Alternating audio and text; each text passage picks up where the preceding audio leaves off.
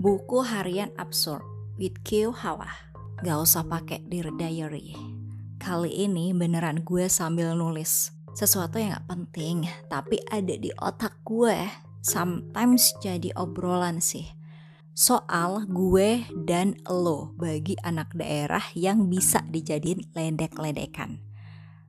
Kenapa gue anak daerah menggunakan kata ganti orang gue dan lo, bukan aku dan kamu? Alah atasan anak mana, gue lo segala.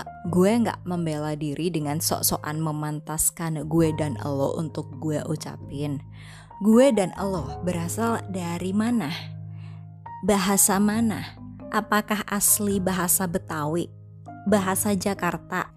Kalau dari tulisan kata sama dengerin pengucapannya sih kosa katanya asing dari bahasa Indonesia itu sendiri masyarakat Jakarta menggunakan bahasa Indonesia. Lalu apakah ini berasal dari bahasa Betawi? Sesuai literasi, jawabannya bukan. Gue dan lo bukan berasal dari bahasa Jakarta atau bahasa Betawi. Bukan juga diciptain sama anak-anak gaul Jakarta.